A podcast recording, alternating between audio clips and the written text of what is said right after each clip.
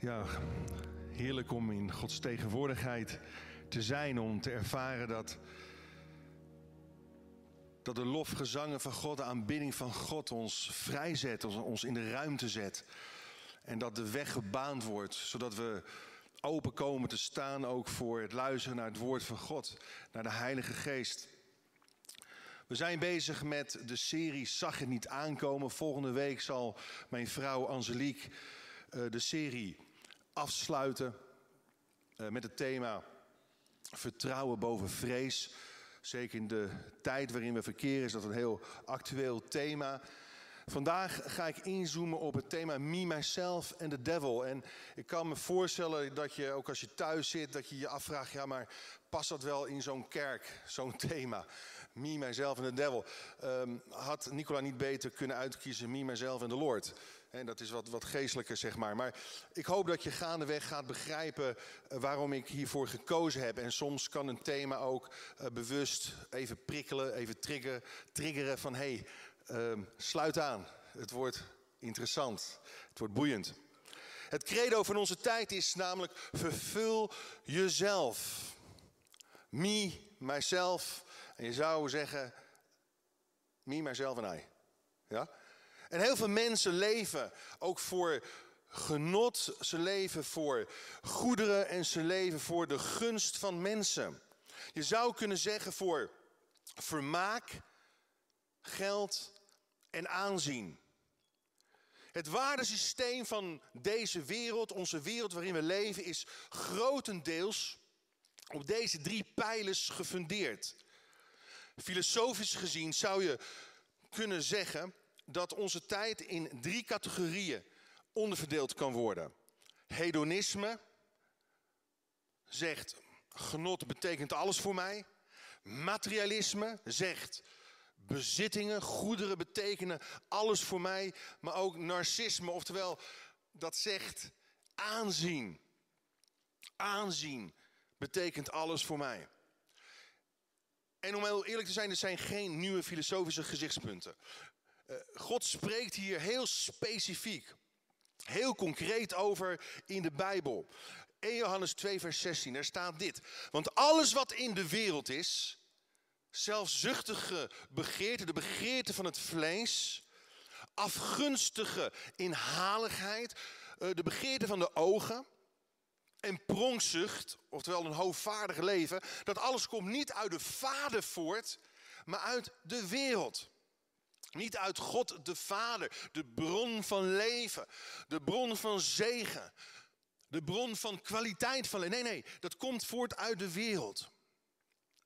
En ook dezelfde schrijver, apostel Johannes, zegt in die brief dat de hele wereld in het boze ligt, onder de invloedssfeer van de boze, de duivel.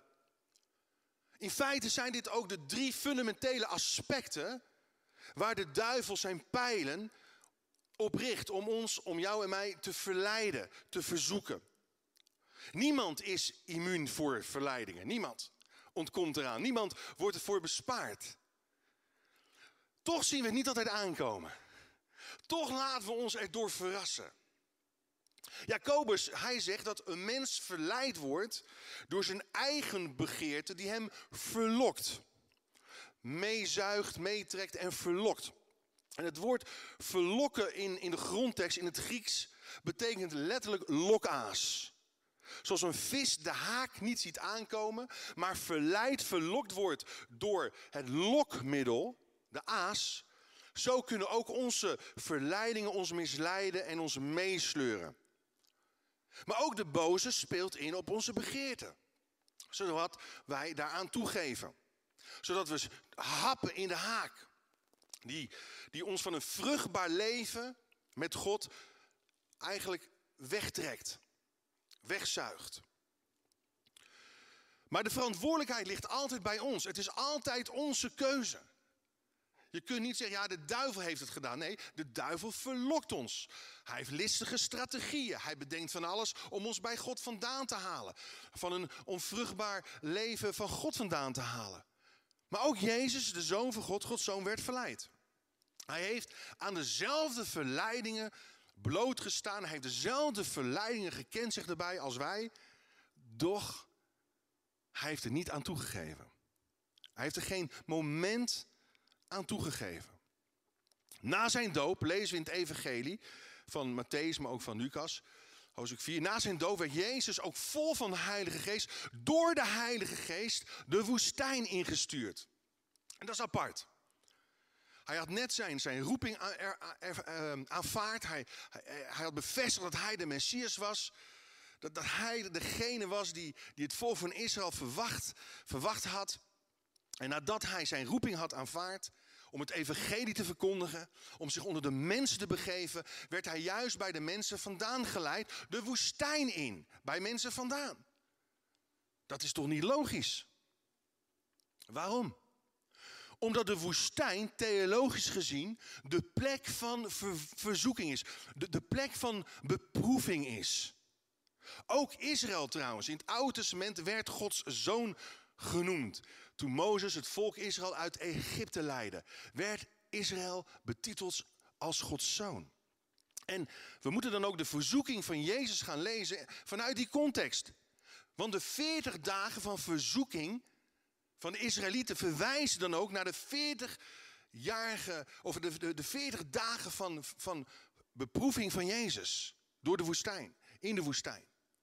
Ook Adam, de eerste mens, werd Gods zoon genoemd. En, en hoe zat het daarmee? Hij bezweek. Hoe zat het met Israël? Ze bezweken. Hoe gaat de zoon van God het nu doen? De zoon van God. Let goed op.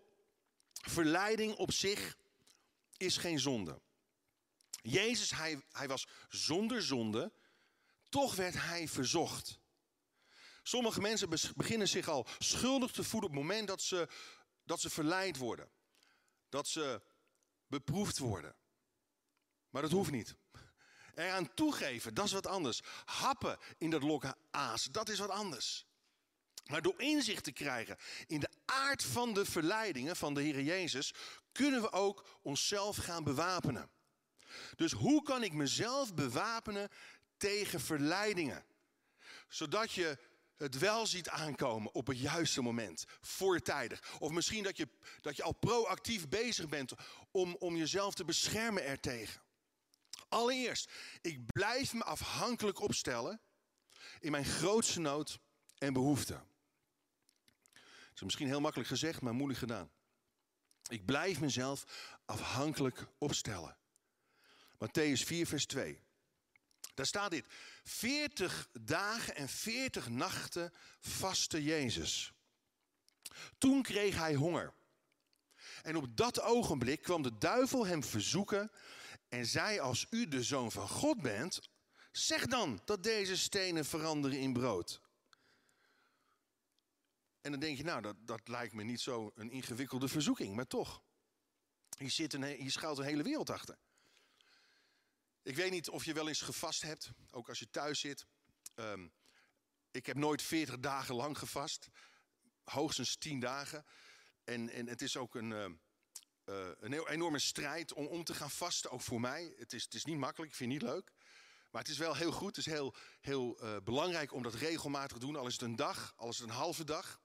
Om je te onthouden van voedsel, zodat je het volledig kunt richten op God. Op wat God wil. En Gods stem, Gods heilige geest in je hart kunt horen spreken. Maar het blijkt dat op de veertigste dag van een vaste de honger het ergst is, het, het meest toeslaat. Dus deze verleiding was enorm vals, gemeen. Want Jezus bevond zich op dat moment in een uitermate zwakke conditie. Mentaal en lichamelijk gezien zat Jezus in een dieptepunt. En die, die, die ronde platte stenen in de woestijn leken exact op de broodjes die destijds gebakken werden. Door de Israëlische bakkers.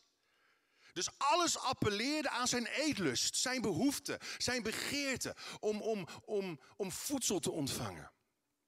Maar wat is dan precies de aard, de kern van deze verleiding? Nou, de duivel, hij wilde hiermee Jezus afbrengen van zijn afhankelijkheid aan God. En dat, dat, dat probeert hij voortdurend te doen. En ook de wereld heeft zo'n een, zuigkracht vaak op ons leven om juist van ons van, van God af te, te brengen, af te leiden.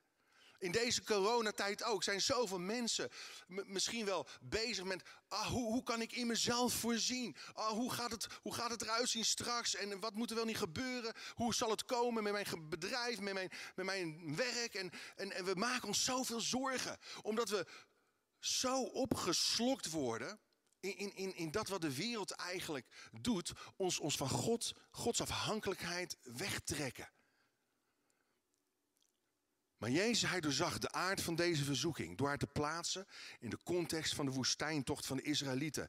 En, en in Deuteronomie 8, vers 2 staat het doel daarvan, dat ze 40 jaar aan het ronddolen waren en maar niet in het beloofde land kwamen. En, en er staat om u op de proef te stellen, ten einde te weten wat er in uw hart zit.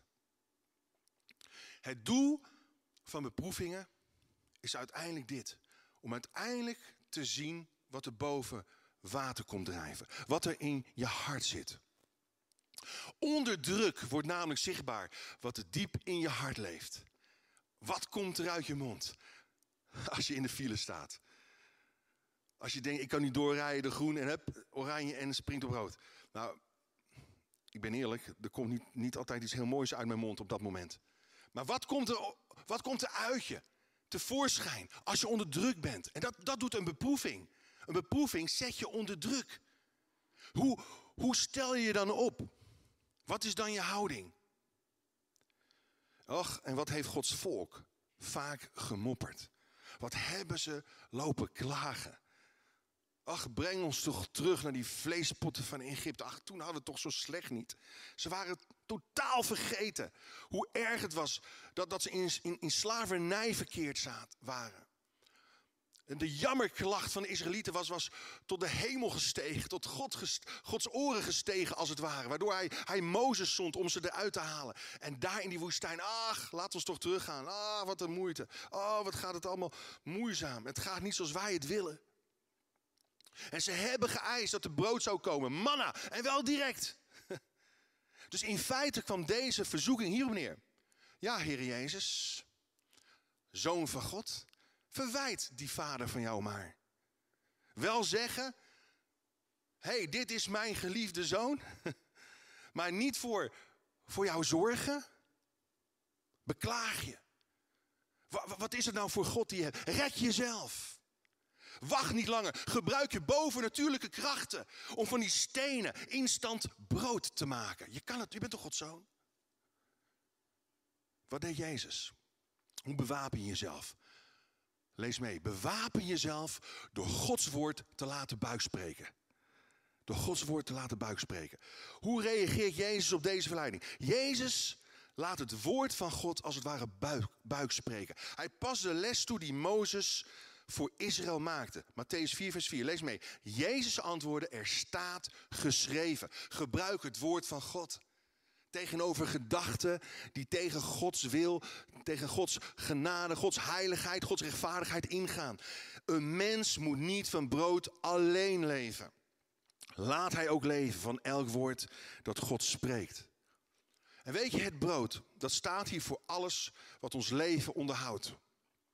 We hebben ons bestaan te danken aan Hem die alles onderhoudt door zijn woord. Het scheppende woord van God. En de boze haakt in op onze begeerte, die ten diepste leidt tot onafhankelijkheid, autonomie ten opzichte van God. Een leven los van God. Ik kan het zelf al, ik doe het zelf al, ik weet het beter. Maar gebruik Gods woord als een zwaard. Het is dezelfde verleiding als die in het paradijs. In Genesis hoofdstuk 3. De slang zei toen, toen de duivel, God heeft zeker wel gezegd. Jullie zullen niet eten van enige boom in de hof. En weet je, de duivel zaait niet alleen twijfel over wat God zegt. Hij probeert de mens onder Gods heerschappij vandaan te halen. Zodat hij de heerschappij over de mens krijgt. Daar gaat het hier om. En natuurlijk, een nuance. Verlangens hoeven niet slecht of verkeerd te zijn. Maar als onze verlangens, onze begeerten niet onder de heerschappij van God komen te staan, dan, dan kan het heel makkelijk een brug tot zonde worden. Tot chaos, ons doel missen in het leven en niet tot onze bestemming komen in God. Hoe bewapen ik me? Ten tweede, Lees mee. Ik fixeer mijn ogen op wat blijvend is. Niet op wat tijdelijk is, maar wat blijvend is. Lucas 4, vers 5. Toen nam de duivel Jezus mee naar een hoog punt en liet hem in één ogenblik alle koninkrijken van de wereld zien. Al die macht, al die pracht zal ik u geven. Kijk toch, Jezus. En de duivel zei, ze zijn mij in handen gegeven. Ik kan ze geven aan wie ik wil. Kniel dus in aanbidding voor mij neer. En het is allemaal van u. Jezus, hij werd verleid hier om de weg van de minste weerstand te kiezen. Om, om op een makkelijke manier zijn missie op aarde te volbrengen. Hoe gaat deze verleiding in zijn werk? Allereerst, de duivel spreekt tot de verbeelding. De verbeelding, de gedachtenwereld van Jezus. In een flits ziet Jezus al de glitter en glamour van deze wereld. Pracht en praal ligt aan zijn voeten. Hij hoeft alleen maar te buigen voor de duivel. Dat is het enige wat hij hoeft te doen. En de duivel aanbidden. Maar ook dit moeten we zien in de context van het Oude Testament. Want in, in een Messiaanse psalm, hoofdstuk 2, lezen we dat God zijn zoon alles al had toegezegd. Dat werd al door David geprofeteerd. Wat hier de duivel aanbiedt. In, in, in, Psalm 2, vers 8 staat: Vraag mij en ik zal volken geven tot uw erfdeel. De einde der aarde tot uw bezit. Dat was al een belofte. Die de Messias toe zou komen. Dus hoe verkrijgt Jezus dit bezit, dit erfdeel, dit koningschap onder al de volken? Door te buigen voor de duivel of door alleen God de Heer te aanbidden? Door een compromis te sluiten met de boze, door de lijdensweg uit de weg te gaan, de weg van het kruis, of door als een lam dat er slachting geleid wordt te sterven voor de zonde van de mensheid. Te bloeden aan een paal. Wat een schande, wat een schaamte. Hé, hey, Jezus, je kunt nu al alles krijgen wat jou is toegezegd. Als je voor mij buigt. Wat een verleiding. Wat, wat een verneinigheid zat hierin. Opnieuw zien we dezelfde verleiding in het paradijs. En de vrouw zag. Eerst hadden de begeerten van het vlees, nu de begeerten van de ogen. Hier ook. Zag dat de boom goed was om van te eten. Dat hij een lust voor de ogen was. Een vraagje voor ons, voor ieder van ons. Waar kijken onze ogen het meest naar? Naar welke dingen? Welke objecten? Welke zaken? Waar fixeren we ons op? Waar staren we ons blind op? Het was alsof de boze zei: Kom toch, je gaat toch niet moeilijk doen? Maak je claims wat draaglijker voor de mensen, joh. hey, maar Jezus, hij wist dat er met zijn boodschap en het geloof wat hij zocht, dat daarmee geen compromis gemaakt kon worden. Zijn koninkrijk is niet van deze wereld. Zijn koninkrijk is van blijvende aard, van eeuwigheidswaarde. Weet je, als je niet ergens voor staat, val je overal voor. We hebben ruggengraat nodig, juist in deze tijd. Johannes de apostel schreef heel liefdevol, 1 Johannes 2 vers 15. Hij zei, verlies, kinderkunst zegt hij dan in de MBG, verlies uw hart niet aan de wereld. Verlies je hart niet aan de dingen in de wereld. Lees mee. Als iemand de wereld lief heeft, woont de liefde van de Vader niet in hem. Dus de, de liefde voor de wereld verdrijft de liefde voor God. Dat is de verleiding. Waar Jezus hiermee te maken had. Waar wij zo vaak mee te maken hebben. En laat eerlijk zijn, onze cultuur oefent grote druk uit op ons leven. Heb je wel eens iets gedaan wat je achteraf eigenlijk toch niet had gewild of had willen doen, maar er toch aan toegegeven hebt vanwege peer pressure, vriendendruk, die ene joint, dat ene glaasje bier extra, et cetera. Maar weet je, je bent geen dwaas als je iets opgeeft. Wat je niet kunt houden voor iets wat je niet kunt verliezen. Dus hoe reageerde Jezus op deze verleiding? Matthäus 4 vers 8. Jezus antwoordde hem, opnieuw vanuit het woord van God. Er staat geschreven, aanbidden Heer uw God en vereer hem alleen. Er kunnen geen twee heren gediend worden. Je kunt niet God dienen en mammon. En mammon betekent geldduivel. En het opmerkelijke is dat deze naam dezelfde woordstam heeft als het woord amen. Jezus is ook de amen. Maar waar bouwen we op? Op, op de mammon? Datgene wat de duivel ons biedt of op God? Waar bouwen we? We kunnen op Jezus bouwen. Hij is de vastigheid onder onze voeten. Hij is de zekerheid van ons leven. We bouwen namelijk niet op zand, maar we bouwen op de rots. Als we de woorden van God, de woorden van Jezus gaan toepassen. Dus hoe bewapen je jezelf? Lees mee, bewapen jezelf door een lange termijn visie te ontwikkelen. Een lange termijnvisie voor je leven, voor je gezin, je huwelijk, voor je werk, voor je, voor je bedrijf. Een lange termijnvisie, maar gebaseerd op het woord van God. We begrijpen nu ook, ook beter trouwens wat de duivel hier wil doen. Hij wil Jezus van zijn vastheid in God afbrengen, zodat Jezus geen vastheid meer aan mensen kan geven. Waarin ligt de vastheid van jouw leven? Waar verwacht je het van? Waar kniel je voor? Dan ten derde. Tot slot, ik onderzoek mijn motivatie door me te blijven spiegelen aan Gods woord. Lucas 4, vers 9. Daarna bracht de duivel Jezus naar Jeruzalem. Zette hem boven op het tempeldak. Het centrum van, van religiositeit, spiritualiteit, van theologie. Wauw, hij zet hem op het dak van de tempel. Als u de zoon van God bent, laat u dan van hier naar beneden vallen. Want er staat geschreven, God zal zijn engelen sturen om over u te waken. En dat klopt. Dat staat er ook. Dat staat ook in de psalmen. En, en, en ook, zij zullen u dragen op hun handen. U zult zich aan geen steen stoten. Hij citeerde de Bijbel, die, die, die vuile duivel. Want hij kent de Bijbel ook. Weet je, sommige mensen denken dat als ze christen worden, dat ze, dat ze hun verstand op de boekenplank moeten zetten. Nee, juist niet. Heb God lief met heel je hart, met kracht, met al je kracht, maar ook met, met heel je verstand. Met andere woorden, geloof ook niet alles wat je hoort, alles wat je ziet, alles wat je leest. Ook in de media niet. Maar beproef het en behoud het goede.